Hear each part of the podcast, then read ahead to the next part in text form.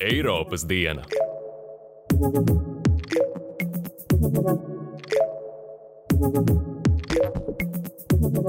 Sveicināti Eiropas dienā! Es esmu Mānis Sīvāns. Jūlijā apritēja divi gadi, kopš pirmo reizi sanāca kopā Eiropas parlaments esošajā sastāvā.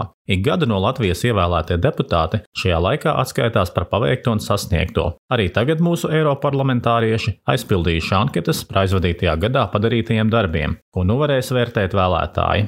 Nu, un otrs ir parādīt, jā, arī atgādināt cilvēkiem Latvijā vēlētājiem, nu, ka Eiropas parlaments dara, dara svarīgas lietas, ka tie lēmumi, ko pieņem Eiropas parlamenta deputāti, ietekmē mūsu ikdienu pavisam, pavisam konkrētos veidos. Un, jā, un ka Latvijas deputāti, neskatoties uz to, ka viņi ir astoņi no, no 705 Eiropas parlamentā, ka viņi var ietekmēt arī būtisku lēmumu pieņemšanu. Runāsim arī par šo atskaišu saturu, bet vispirms par citām aktualitātēm.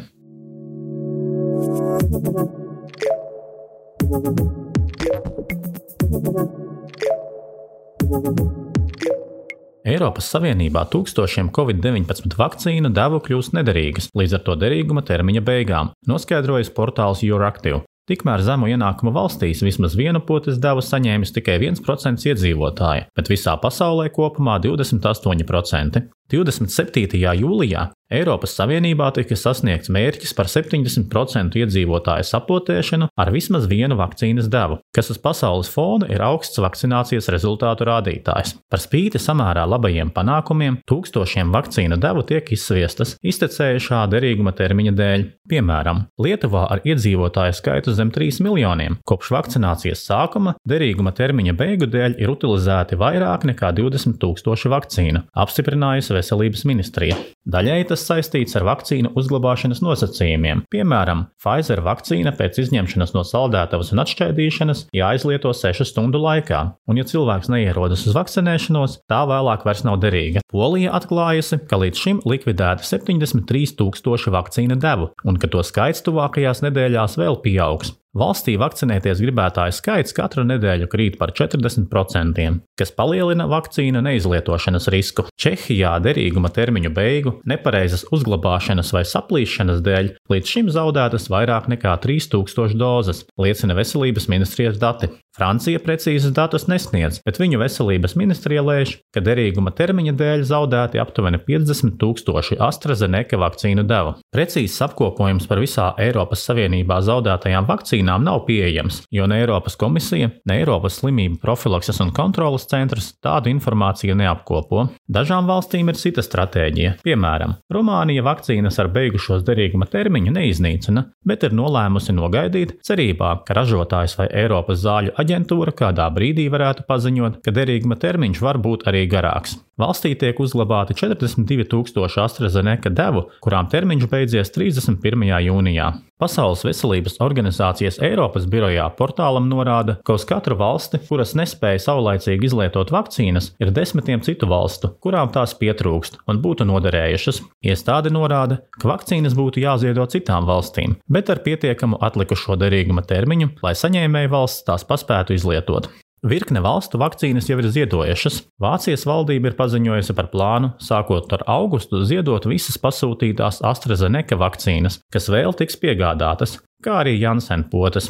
Vismaz 80% vakcīnu, jeb ap 30 miljoniem devu, tiks izplatīta caur COVAX programmu, kas palīdz piegādāt vakcīnas nabadzīgākām valstīm. Francija šai programmai jau ir ziedojusi 5 miljonus AstraZeneca devu, un tuvākajā laikā pievienos vēl 7 miljonus. Thank you. Eiropas Savienības valstīm ir jādara vairāk, lai sasniegtu mērķi līdz 2030. gadam izskaust vīrusu hepatītu. 2015. gadā ANO pieņēma ilgspējīgas attīstības mērķus 2030. gadam. Viens no tiem bija izskaust aids, tuberkulozes, malārijas un tropisko slimību epidēmijas, apkarot hepatītu, kā arī ar ūdeni pārnestās un citas lipīgās slimības. Šis mērķis tika atbalstīts Pasaules veselības asamblējā 2016. gadā, kad tika pieņemta pirmā globālā stratēģija stratēģija vīrusu hepatīta B un C infekcijas samazināšanai par 90% līdz 2030. gadam. Šajos centienos aktīvākām jābūt arī Eiropas Savienības valstīm, jo pērnā gada Eiropas slimību kontrolas un profilakses centra ziņojumā secināts, ka bez papildu mēriem Savienība līdz 2030. gadam nospraustu mērķi var nesasniegt. Pirmkārt, valstīm ir jāpaplašina primārā profilakse, īstenojot bērnu vakcinācijas programmas, kā arī jāsamazina slimības izplatīšanos starp narkotiku lietotājiem. Ir jābūt plaši pieejamiem hepatīta testiem un diagnostikai, lai slimība tiktu atklāta saulaicīgi un varētu uzsākt ārstēšanu. Ziņojumā secināts, ka liela daļa B un C hepatīta slimnieku infekcija paliek neatklāta un attiecīgi nenotiek arī efektīva ārstēšana. Tāpat ir jāuzlabo valsts monitoringa sistēma, veltot pietiekamus resursus sabiedrības informēšanai par veselību un veicinot ciešāku sadarbību starp veselības iestādēm. Eiropas Savienībā un Eiropas ekonomiskajā zonā gandrīz 5 miljoniem cilvēku ir hroniska hepatīta B infekcija un gandrīz 4 miljoniem hronisks C hepatīts. Turklāt katru gadu aptuveni 64 tūkstoši mirst no aknu vēža, cirozes vai citām aknu slimībām, kuras var saistīt ar B un C hepatītu. Reģionā ir vērojams akūtu B hepatīta gadījumu skaita kritums, ko nodrošina vakcinācijas kampaņas. Eiropas Savienība ir ļoti noraizējusies par represijām pret demonstrantiem Kubā un mudina valdību atbrīvot visus patvaļīgi aizturētos protestētājus. 29. jūlijā paziņoja augstais ārlietu pārstāvis Žuzeps Borels. Kubā 11. jūlijā notika desmit gadiem nepieredzēta liela protesti, cilvēkiem paužot neapmierinātību ar dziļo ekonomisko krīzi, ko pastiprina Covid-19 pandēmija un ASV sankcijas, elektropadeves pārtraukumiem un brīvības ierobežojumiem. Cilvēktiesību aktīvisti ziņo, ka varas iestādes aizturējušas aptuveni 700 cilvēkus, tostarp vairākus nepilngadīgos. Tikmēr valdība apgalvo, ka neviens nav aizturēts par protestēšanu, bet gan par sabiedriskās kārtības traucēšanu, vandālismu, necieņas izrādīšanu pret varas iestādēm un citiem pārkāpumiem. Mēs aicinām Kubas valdību respektēt cilvēktiesības un brīvības, kas noteiktas vispārējā cilvēktiesību konvencijā, teikts Borele paziņojumā. Pirms trim dienām ASV un 20 citu valstu ārlietu ministri nosodīja masu arestus Kubā. Mēs mudinām atbrīvot visus patvaļīgi aizturētos, ieklausīties pilsoņu balsīs un iesaistīties iekļaujošā dialogā par viņu sūdzībām, ziņojumā uzsver Borels. Thank you. Jūlijā apritēja otrais gads, kopš pašreizējais Eiropas parlamenta sasaukums sāka darbu, un ik pēc gada Latvijas deputāti atskaitās par padarīto un darba augļiem. Par to, kā darbojas šī pašvērtējuma sistēma un kāpēc tā ieviesta, sarunājāmies ar Eiropas parlamenta preses sekretāru Latvijā Jāni Krastiņu. Eiropas parlamenta birojas Latvijā jau vairākus gadus eh, sadarbībā ar deputātiem vai precīzāk sakot, apkopo deputātu sniegtās ziņas par savām aktivitātēm, un tas tiek darīts uh, noslēdzoties darba gadam. Nu, ja Eiropas parlamenta vēlēšanas bija 2019. gada maijā, un jaunais parlaments sanāca pirmo reizi kopā 19.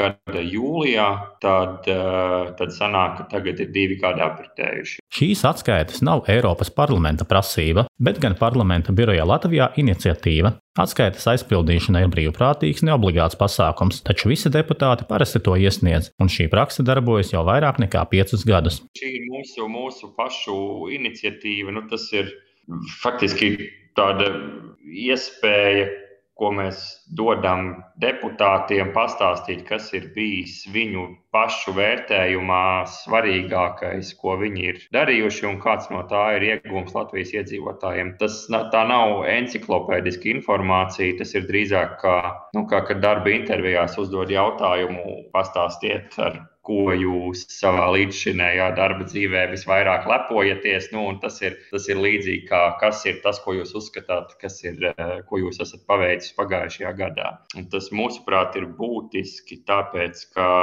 Latvijas deputāti ir 8 no 705 Eiropas parlamentā. Un, un, kā zināms, politikā un parlamentā viens nav karotājs, bet tā ir iespēja izcelt nu, tieši, tieši savu veikumu un uh, pastāstīt plašākai sabiedrībai, kas ir tās lietas, kur, kuras viņiem ir savā ieskatā vismaz izdevies panākt. Šī saskaitas ir iespēja gan pašiem deputātiem atskatīties uz paveikto, kā arī tas ir atgādinājums vēlētājiem par to, ar ko nodarbojas Eiropas parlaments un kāpēc tas ir svarīgi. Kā teica viena no, viena no deputātiem, asistents pirms sūtīja šo informāciju vai sūtošies, ka rekā mēs te paskatījāmies paši un diezgan daudz kas ir izdarīts šī gada laikā. Tā ir no vienas puses iespēja viņiem pašiem apzināti noformulēt, kas ir tās lietas, kas viņiem var, viņiem var noderēt, runājot, tiekoties tikties ar cilvēkiem nu, virtuāli vai, vai fiziski Latvijā ar vēlētājiem. Nu, un otrs ir parādīt, jā, eh, arī atgādināt cilvēkiem Latvijā vēlētājiem, nu, ka Eiropas parlaments dara, dara svarīgas lietas, ka tie lēmumi, ko pieņem Eiropas parlamenta deputāti, ietekmē mūsu ikdienu pavisam, pavisam konkrētos veidos. Un, eh, jā, un ka Latvijas deputāti, neskatoties uz to, ka viņi ir astoņi no, no 705 Eiropas parlamentā, ka viņi var uh, ietekmēt arī būtisku lēmumu pieņemšanu. Deputātu iesniegtās ziņas ir pilnībā viņu atbildība. Eiropas parlamenta birojas Latvijā tos pārlasa un salīdzina ar zināmajiem faktiem, taču kopumā atskaitas uztveramas kā deputātu vērtējums par savu iepriekšējā gada darbu, iegūt informāciju par Eiropas parlamenta deputātu darbu un ne tikai par no Latvijas ievēlētajiem, var jebkurš. Tas, ko es no savas puses varu ieteikt cilvēkiem, kam ir padziļināta interese par ne tikai Latvijas, bet citu Eiropas arī citu Eiropas parlamenta deputātu darbu. Eiropas parlamenta mājaslapā ir sadaļa par katru deputātu, un tur var sīki un smalki atrast informāciju, kad un kādās debatēs viņš ir runājis, ko viņš ir teicis, cik e, ziņojumu autors, e, deputāts vai deputāte ir, ir, ir bijis e, atzinuši un tā tālāk. Pilnīgāku statistisku, statistisku informāciju vai tādu enciklopēdiskāku informāciju arī ir iespējams iegūt. Bet šī vingrinājuma mērķis drīzāk ir jā, deputātiem aicināt deputātus pašus reflektēt par to, kas ir bijis tas būtiskais, ko viņi ir eh, paveikuši iepriekšējā gada laikā.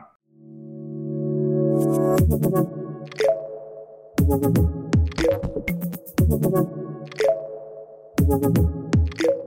Tagad pievērsīsimies pašām atskaitēm. Latviju Eiropas parlamentā pārstāv pavisam astoņi deputāti.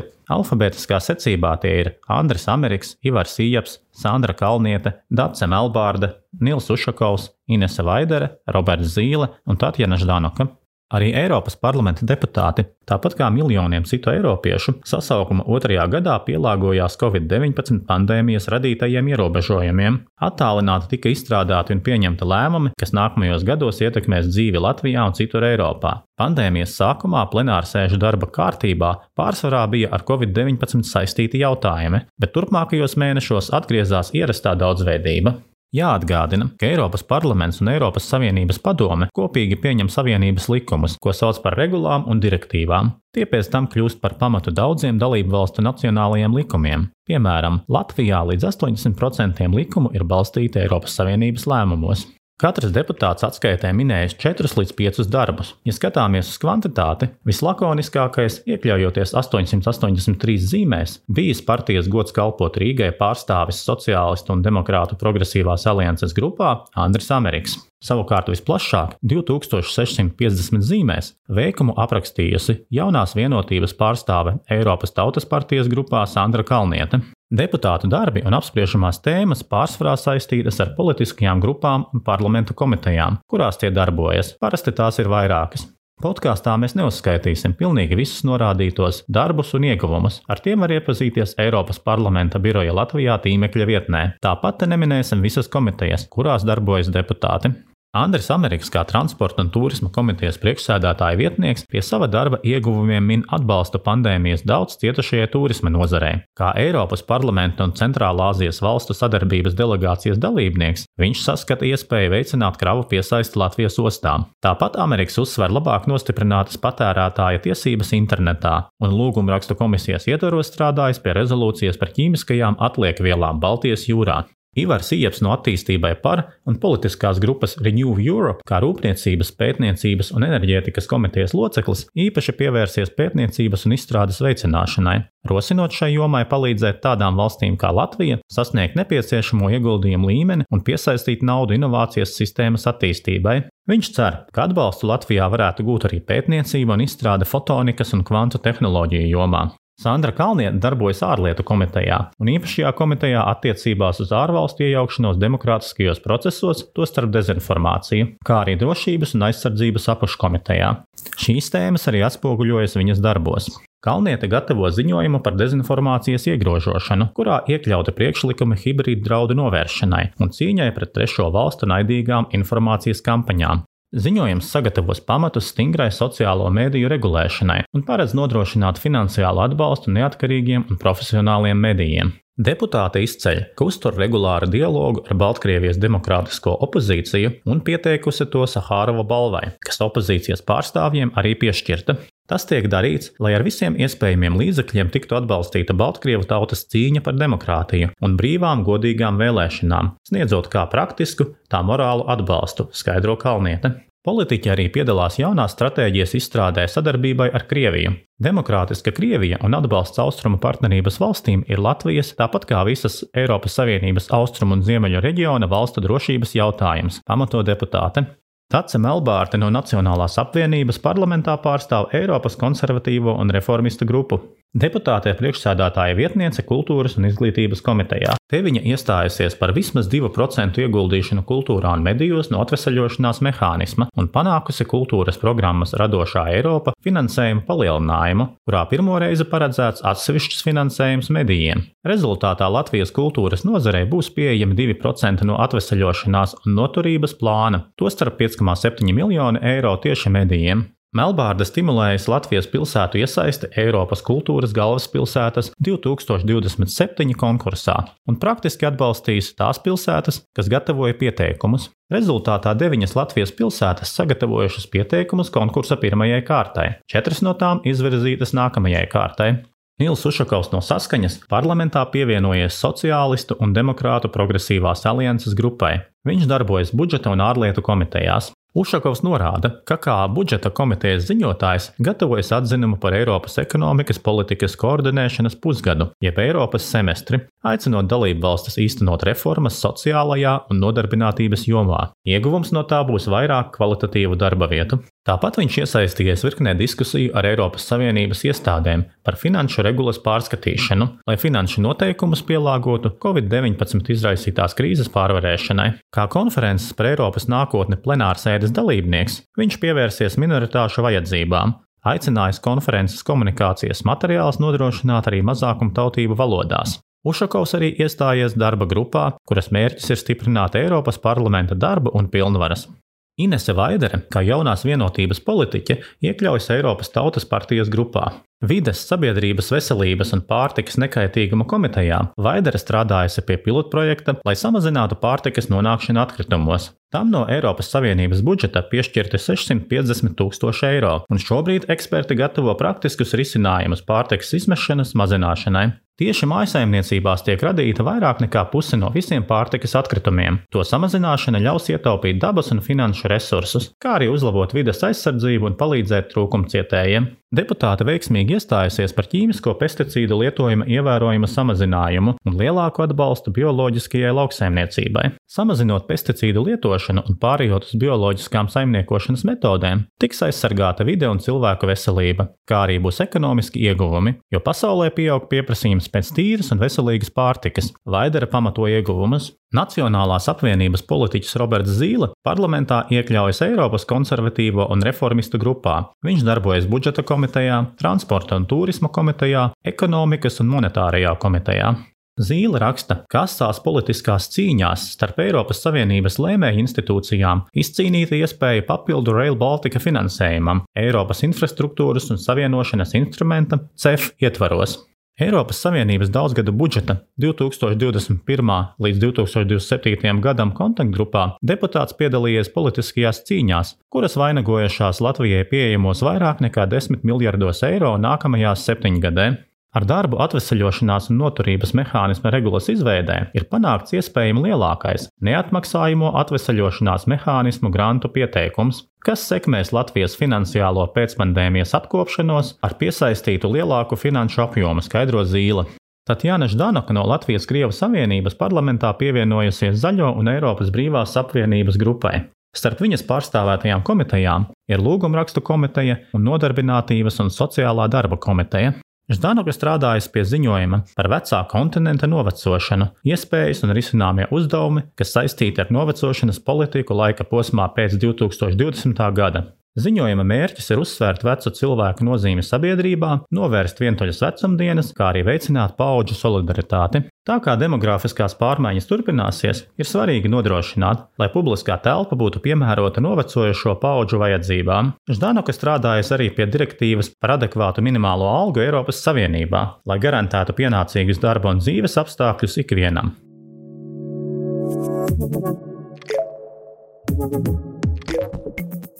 Raidījuma izveidi finansiāli atbalsta Eiropas parlaments.